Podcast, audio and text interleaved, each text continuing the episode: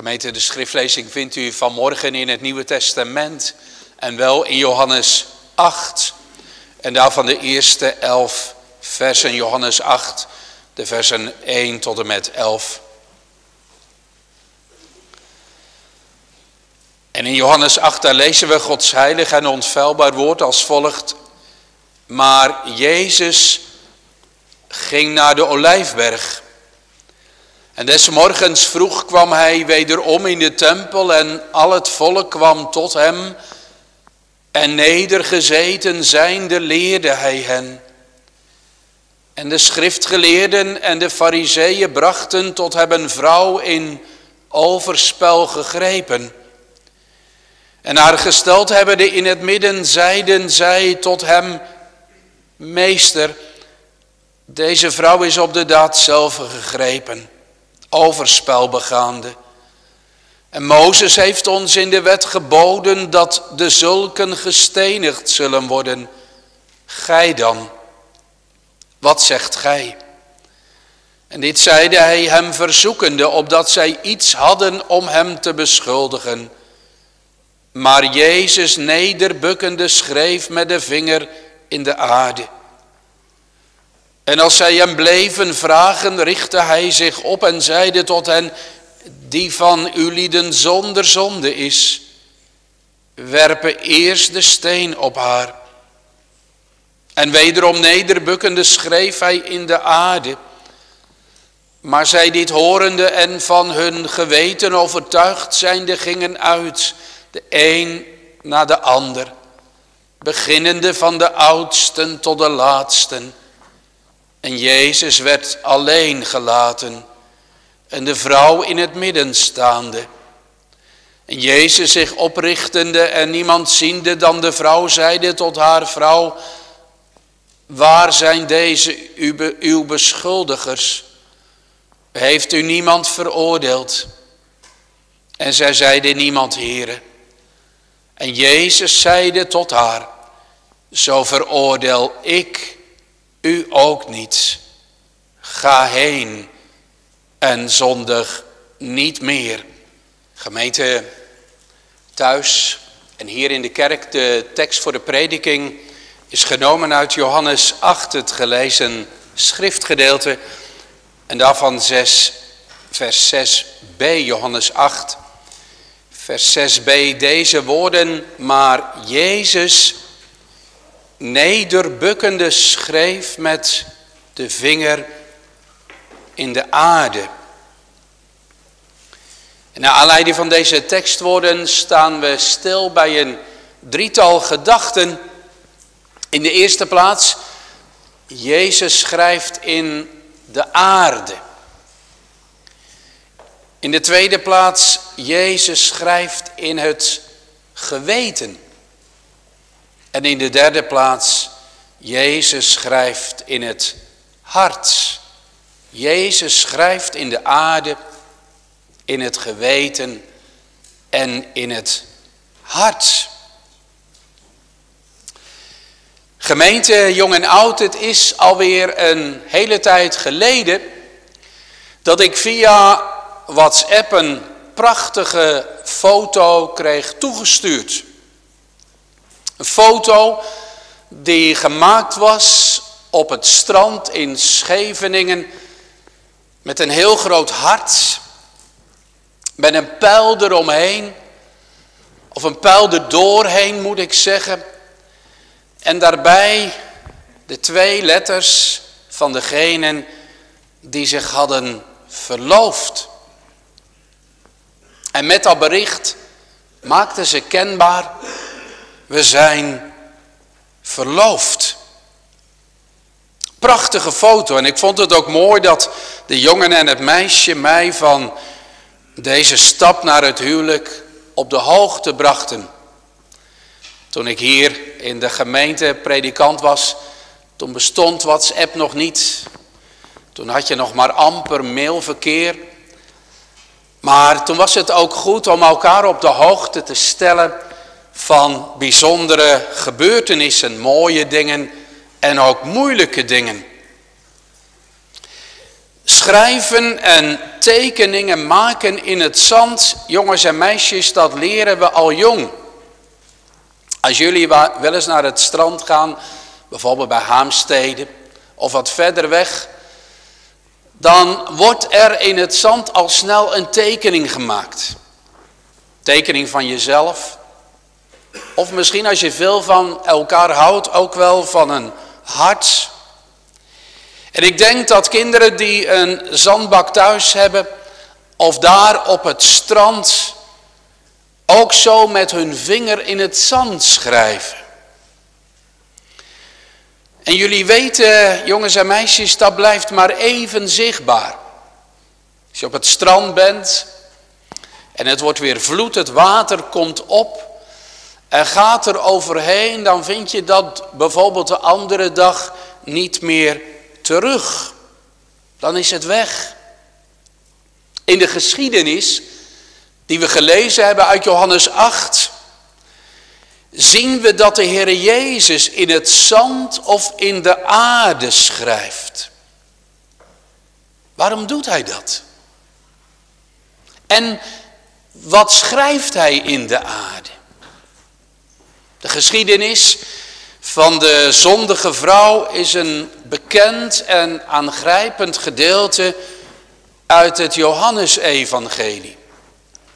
Ik las ergens dat in sommige bijbeluitgaven het tussen teksthaken staat. Het gedeelte komt namelijk niet voor in verschillende oude handschriften. Mogelijk was het in de eerste uitgave van dit evangelieboek nog niet opgenomen en is het kort daarna eraan toegevoegd. Maar terecht heeft iemand wel eens gezegd dat dit gedeelte een parel is van grote waarde. En we mogen de Heer dankbaar zijn dat deze aangrijpende geschiedenis in de Bijbel staat. De geschiedenis die we hebben gelezen vindt vlak na het Loofhuttenfeest plaats. De Heer Jezus heeft in Jeruzalem getuigd wie hij is en heeft geroepen, zo iemand dorst heeft, die komen tot mij en drinken. Zo lezen we in Johannes 7, vers 37. Vele mensen houden de Heer Jezus voor een profeet of zelfs voor de Messias.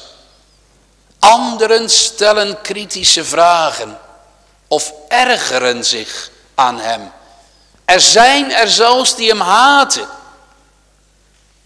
En de vijandschap van de fariseeën, de geestelijke leiders van het volk, is in Jeruzalem steeds duidelijker te merken.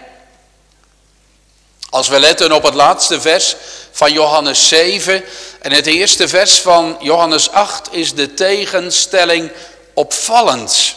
Kijkt u maar. We zien dat aan het woordje maar, het eerste woordje van hoofdstuk 8. Als het Loofhuttenfeest voorbij is, dan gaat ieder naar zijn huis. Maar Jezus gaat naar de Olijfberg.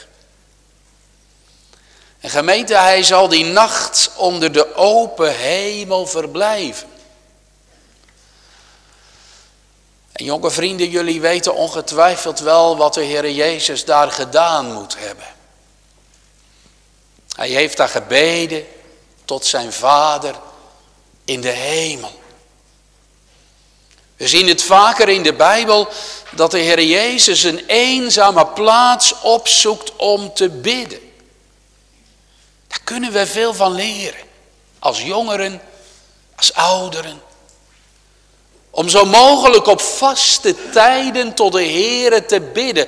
Een eenzame, een stille plaats te zoeken en daar je hart voor de Heer uit te storten. Als het moeilijk is in je leven.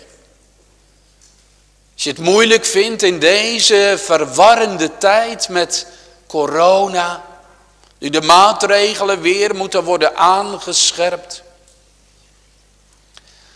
En gemeente gesterkt door de verborgen omgang met zijn vader is de Heer Jezus de volgende ochtend alweer vroeg aanwezig. Opnieuw is Hij in de tempel te vinden en al is het feest, het Lofhuttenfeest voorbij, er zijn toch nog altijd veel mensen die zijn onderwijs willen ontvangen.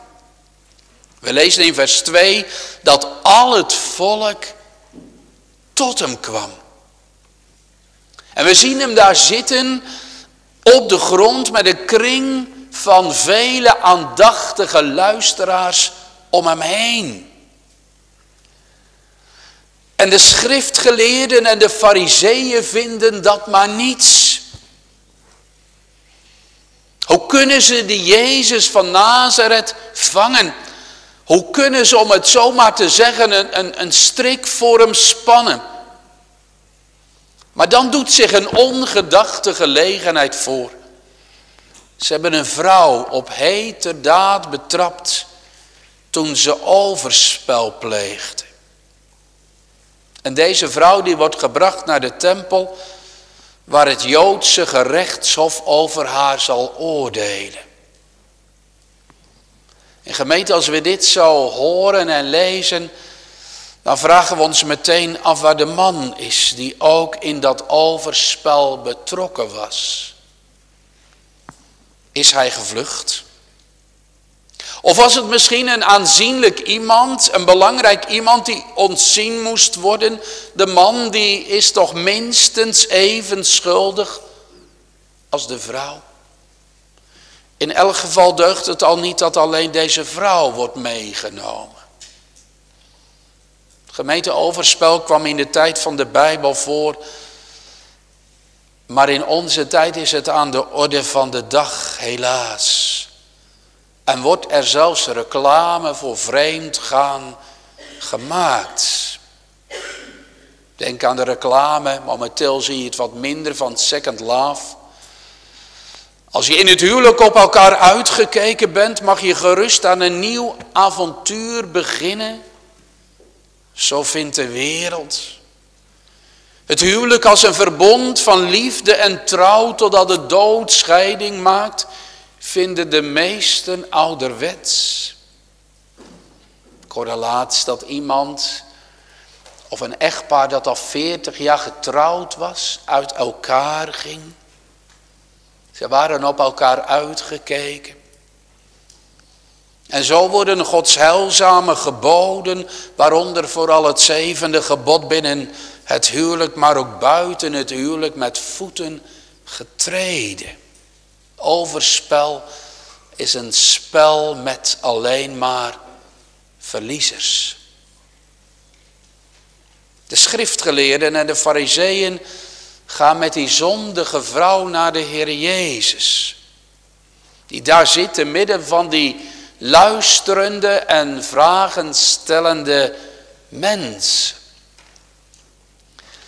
En dan komt er een duivelsplan in hen op. Want nu kunnen ze die gehate Jezus van Nazareth een strik spannen. Ze breken in de kring rond Jezus, ze verstoren zijn onderwijs en eisen alle aandacht op voor zichzelf. En die vrouw die wordt midden in die kring neergezet. Ziet u ze staan? Haar naam wordt niet genoemd. Ze is een geval, een nummer. Ten dode opgeschreven. Maar toch nog nuttig als een struikelblok voor de Heer Jezus. En ze vragen aan hem, meester, eigenlijk rabbi, wat moet er met deze vrouw die op de daad van overspel betrapt is, een openbare zonde gebeuren? Mozes gebiedt in de wet dat zo iemand gestenigd moet worden. Maar gij dan, wat zegt gij? En ze zijn benieuwd wat hij gaat zeggen. Want de wet van Mozes is duidelijk genoeg. In Leviticus 20 en Deuteronomium 22 staat dat overspeligen de doodstraf moesten ontvangen in Israël niet alleen de vrouw, maar ook de man. En in Deuteronomium staat erbij dat dit een doodstraf door steniging moet zijn. Aangrijpend. Maar tegen deze wetgeving kan Jezus toch niet ingaan. Want als hij dat doet, ja, dan hebben ze hem te pakken. Dan blijkt wat ze al lang hadden vermoed, namelijk dat die Jezus een, een lichtzinnig iemand is die de hand ligt met Gods heilige wet. Maar als Jezus de wet van Mozes strikt handhaaft en dus inderdaad zegt, laat die vrouw gestenigd worden.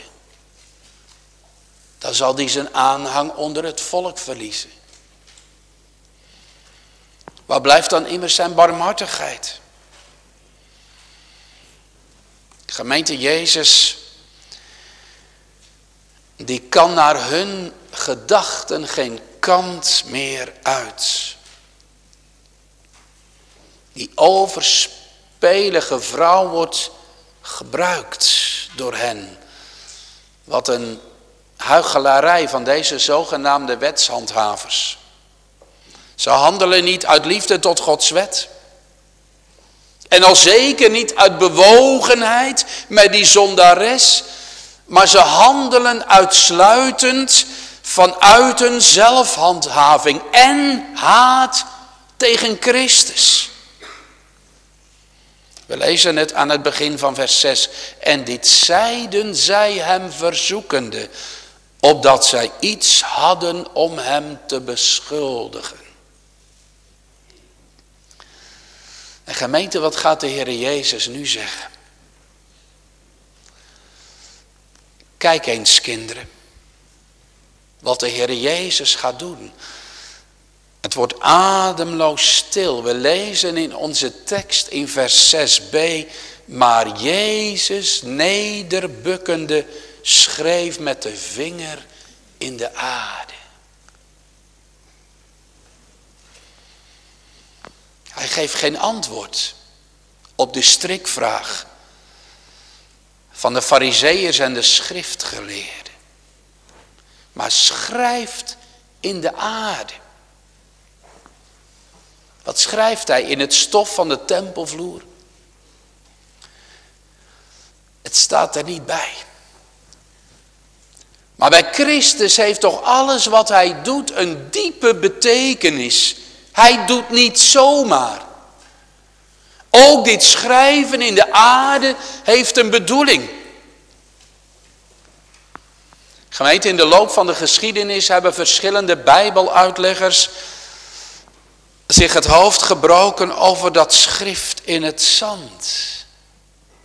Wat heeft hij daar nu geschreven? Of, of heeft hij niets geschreven? Men heeft bijvoorbeeld opgemerkt dat nergens in de evangeliën te lezen is dat Jezus iets heeft geschreven dan alleen in Johannes 8 vers 6 en ook vers 8. Maar wat schrijft hij dan hier in de aarde? De dichter Gerrit Achterberg maakte in 1950 een gedicht over deze geschiedenis.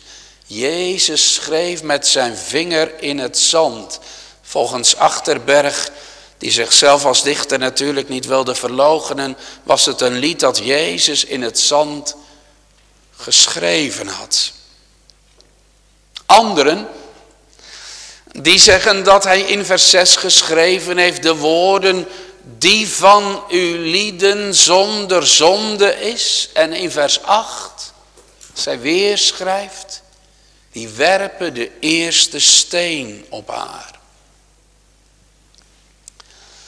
Voor deze uitleg bestaat geen enkele grond. Weer anderen die wijzen op de woorden uit Jeremia 17. In het dertiende vers staat daar, O Heere, Israëls verwachting, allen die u verlaten zullen beschaamd worden en die van mij afwijken, zullen in de aarde geschreven worden. Want zij verlaten de Heere, de springader van het levende water. Heeft Jezus daarop gedoeld als een aanklacht aan het adres van die liefdeloze wets, wetshandhavers? En hebben deze schriftgeleerden dit verband kunnen leggen, want ja, zij kenden de schrift. Het is niet onmogelijk, maar lijkt toch ook wat ver gezocht. Vandaar dat de meeste verkladers tot dezelfde conclusie gekomen zijn als de statenvertalers, die in de kanttekeningen kort en bondig opmerken, wat hij nu geschreven heeft, wordt niet uitgedrukt.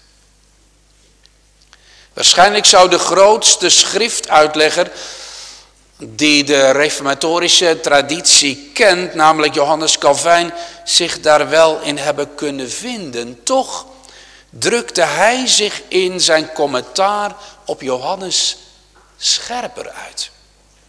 Want volgens Calvijn was het een dwaze gissing om te menen dat Jezus dit of dat geschreven had, aangezien Christus, zegt Calvijn, door zoiets onbeduidends te doen, met de vinger in het zand schrijven, dat hij juist daarmee wilde aantonen dat de vrouw, dat de fariseeërs die de vrouw beschuldigd hadden, het niet waardig waren om naar te luisteren.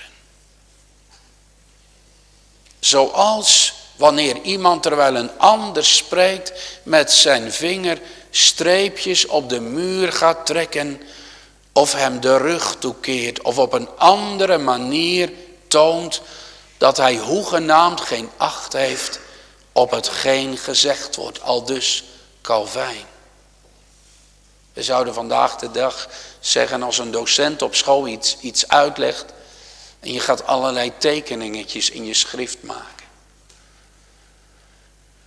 Dan geef je daarmee aan niet echt aandacht te hebben. Of je weet het al lang wat die docent gaat vertellen. Of dat je terwijl iemand iets belangrijks zegt, je smartphone pakt en wat, wat appjes gaat lezen en wat mailtjes. En daarmee aangeeft, ik vind het helemaal niet zo belangrijk. Calvijn zegt dat. Zo moeten we het waarschijnlijk uitleggen. Als de Heer Jezus schrijft in het zand, dan geeft hij daarmee aan dat hij het eigenlijk helemaal niet belangrijk vindt om te luisteren naar die fariseeërs en schriftgeleerden.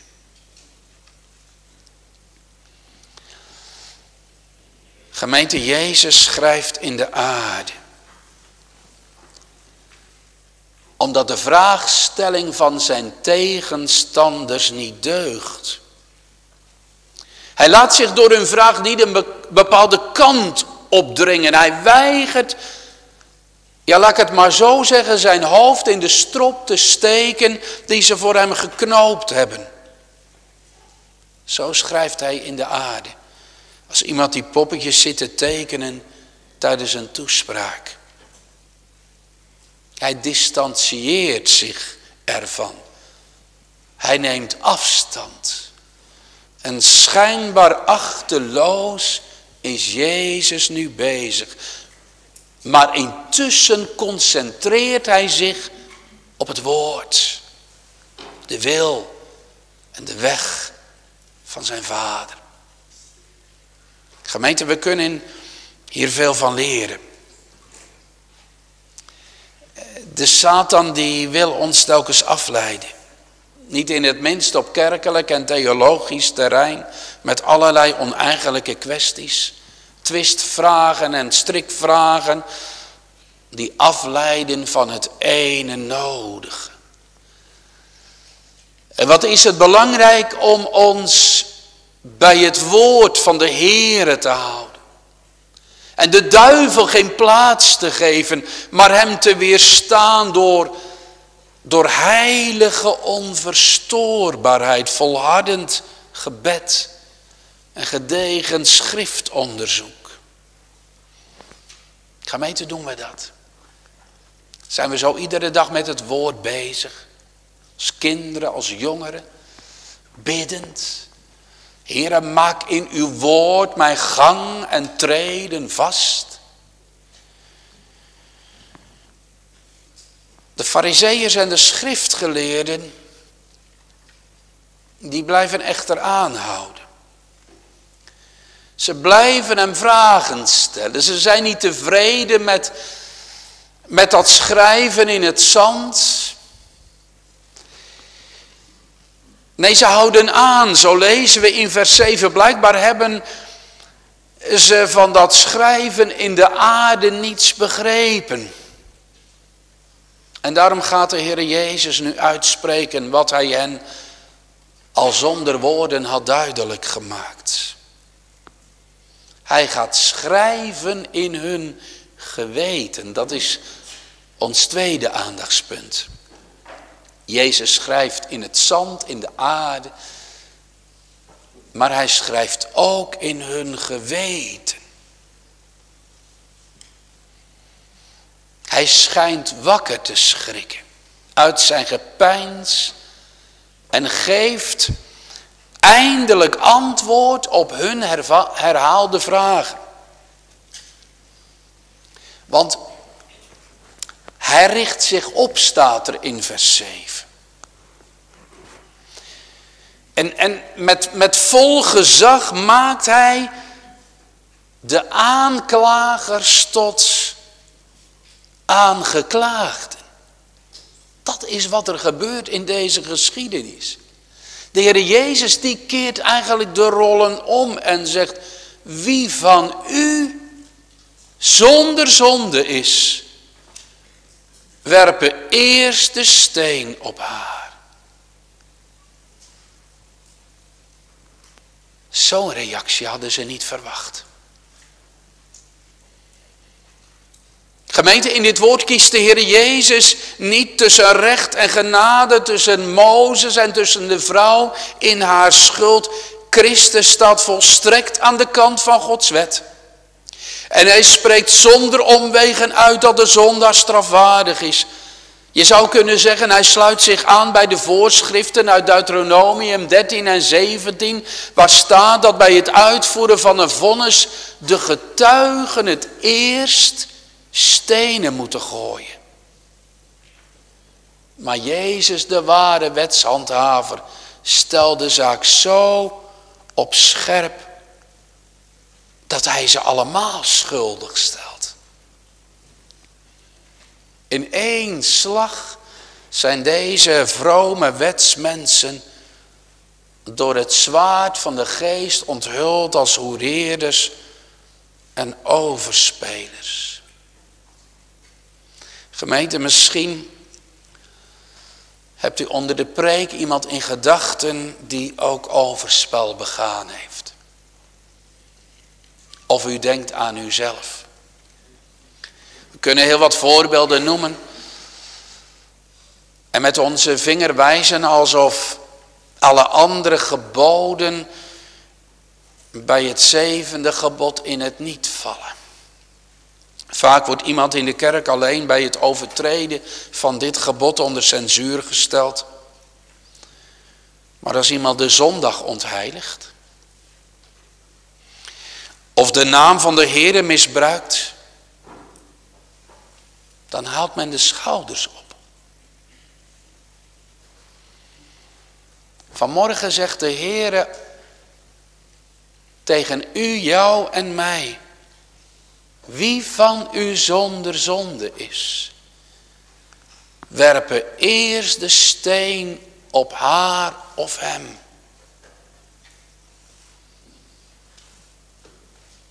Als de Heer Jezus die woorden in hun geweten geschreven heeft, is er weer stilte.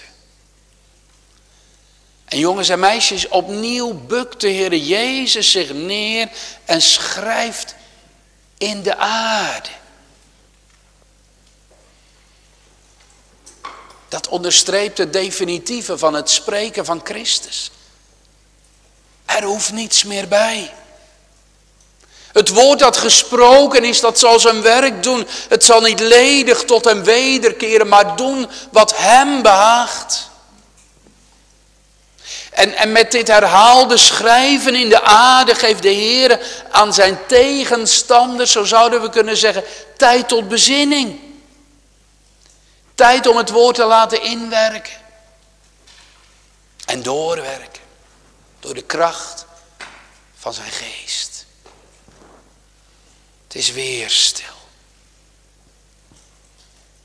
En jonge vrienden, wie, wie gooit er als eerste een steen naar die zondige vrouw? Oftewel, wie is er zonder zonde? Want dat zei de Heer Jezus. Wie van u zonder zonde is, die werpen eerst de steen op haar. Niemand. Niemand. Wat hebben Jezus woorden een wonderlijke uitwerking.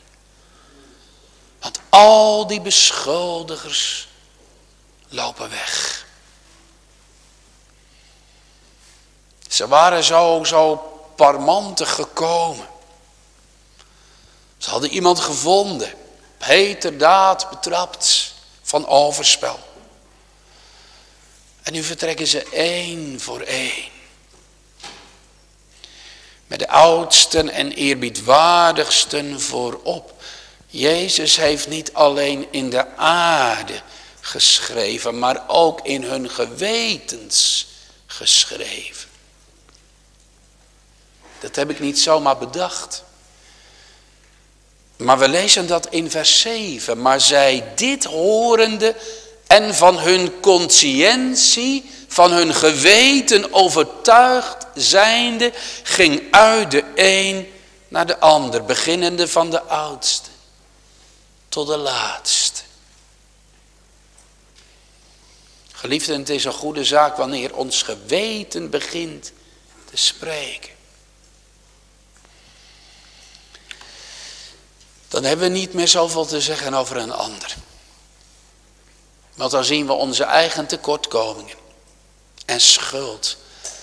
Door de prediking van het woord schrijft de Heere in onze gewetens. Dat is ontdekkend. En dat brengt hopelijk een, een, een heilzame onrust teweeg. Want dan letten we niet meer op een ander. Oh, dat doen we zo vaak. Dat we kijken naar een ander, die en die. Maar dan gaat het om onszelf. Om onze zonde. Om onze hemelhoge schuld. En dan weten we ons terecht aangeklaagd. Gemeente. Thuis. Maar ook hier in de kerk. Bent u er nog? Bent u er nog? Of, of bent u in gedachten met die fariseërs en die schriftgeleerden weggelopen? Want zij lopen weg. Dat betekent aan de ene kant dat ze niet langer aanklagers konden blijven, en dat is positief. Want ze hebben beseft, ook wij zijn zondaars. Ook wij staan schuldig.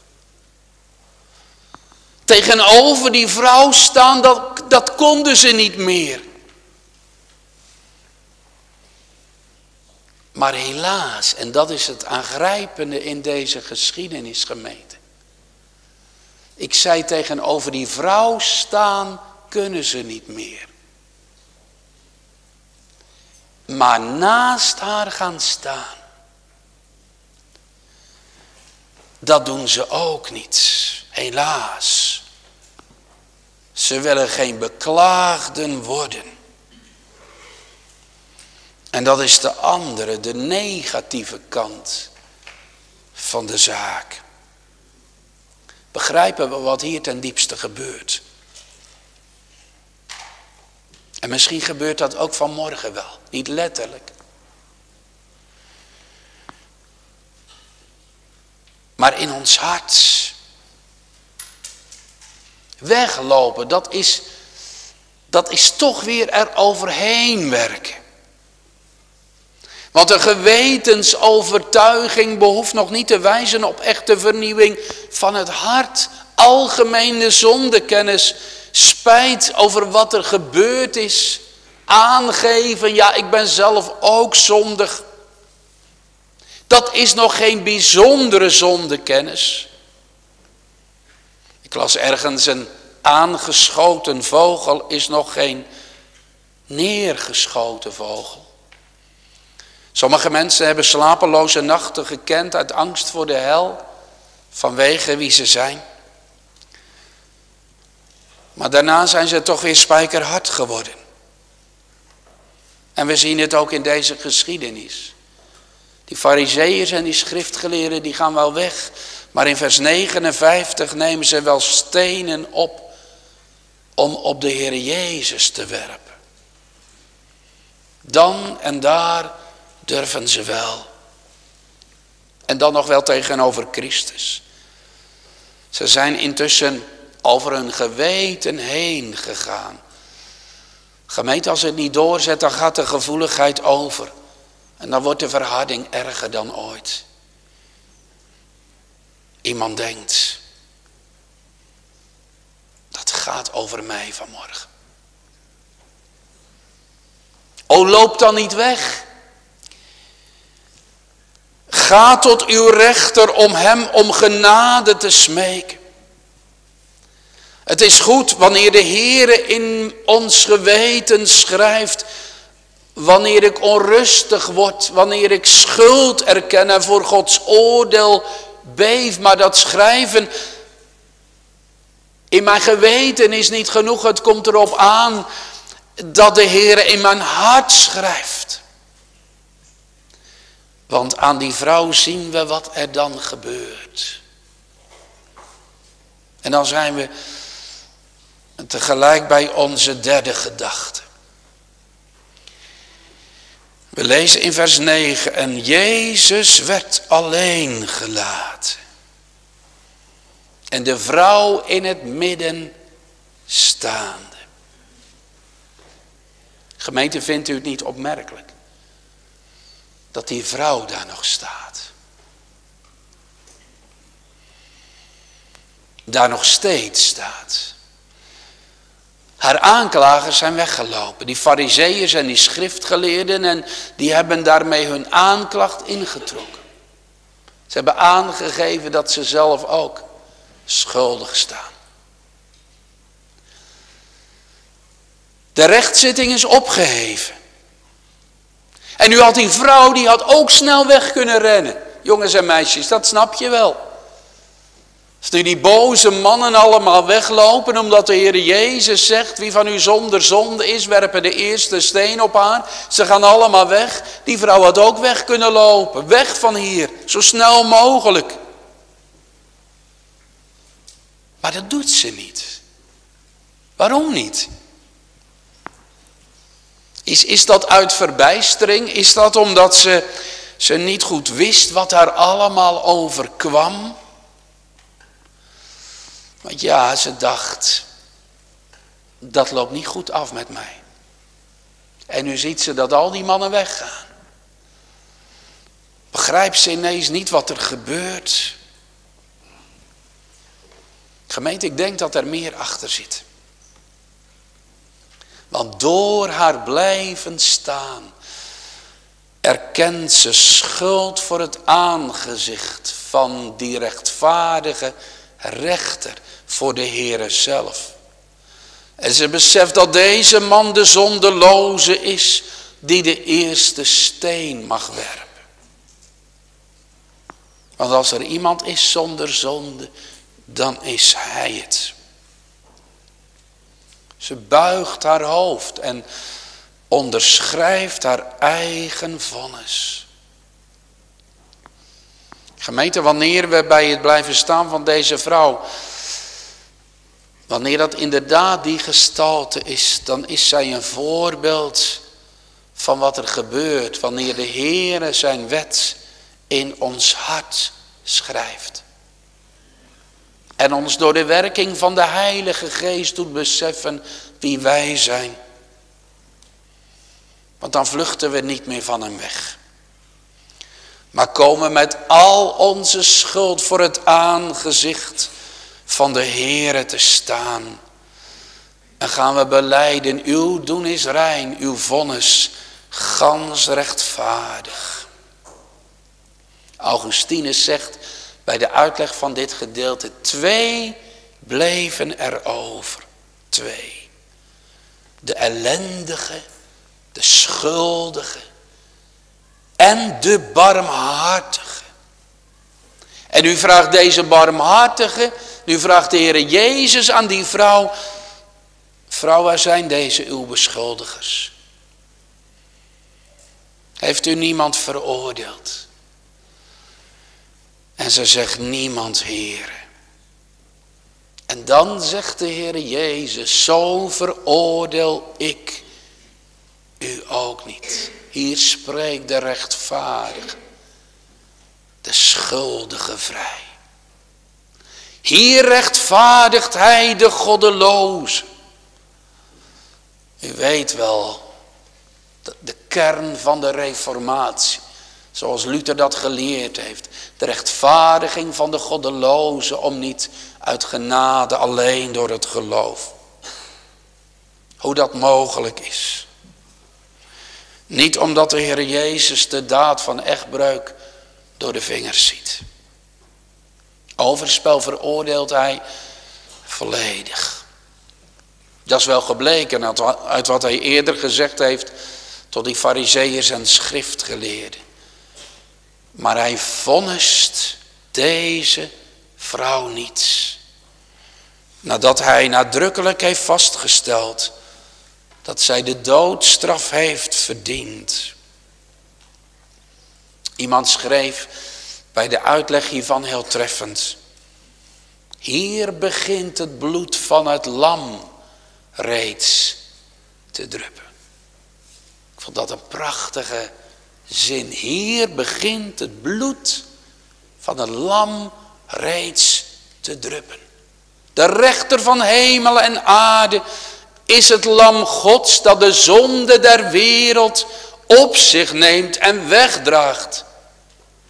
De vrijspraak van deze zondige vrouw is er alleen. Bij de gratie van de veroordeling van de Heer Jezus. Omdat Hij de schuld op zich nam van allen die tot Hem de toevlucht nemen. Van allen die in Hem geloven. Is er vrijspraak. De donkere schaduw van Golgotha valt over dit Bijbelgedeelte. Gemeente, ziet u, hier schittert de kern van het evangelie. Verdient vonnis. Maar vreemde vrijspraak. Zonde zien en nochtans genade geloven. Gratie wordt verleend op het schavot. In het dodelijks tijdsgevricht. Oh, wat een wonder. Als de Heere zo ons onze zonde laat zien, maar dat we ook mogen weten van die wonderlijke vrijspraak. In het dodelijks tijdsgevricht. Wanneer ik besef verdiend heb om voor eeuwig om te komen, klinkt Christus woord.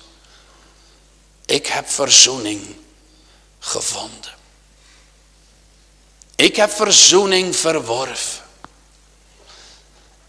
En de Heilige Geest bindt het ons op het hart. Zo veroordeel ik u ook niet. Gemeente kennen we dat heerlijke woord van Christus. Als we zien op onszelf, op onze zonde en schuld. Tijdens het avondmaal mag dat zo zichtbaar worden. In die tekenen van brood en wijn. Ik voor u. Daar gij anders de eeuwige dood zou moeten sterven. Zo veroordeel ik u ook niet. Vanwege dat bloed. Wat gestort dat dierbare bloed. Zo volkomen. Al genoegzaam. Ja, voor de zonde van de gehele wereld. Nee, nogmaals, de Heere Jezus keurt het overspel niet goed. Dat blijkt wel uit de laatste woorden die hij tot de vrouw spreekt. Ga heen en zondig niet meer. Ga het leven weer in. Maar leef niet meer in de zonde, hoort dit. Die in verborgen zonde leeft. Zondig niet meer. Ja, dat is moeilijk, dominee. Dus het gaat om die boezemzonde.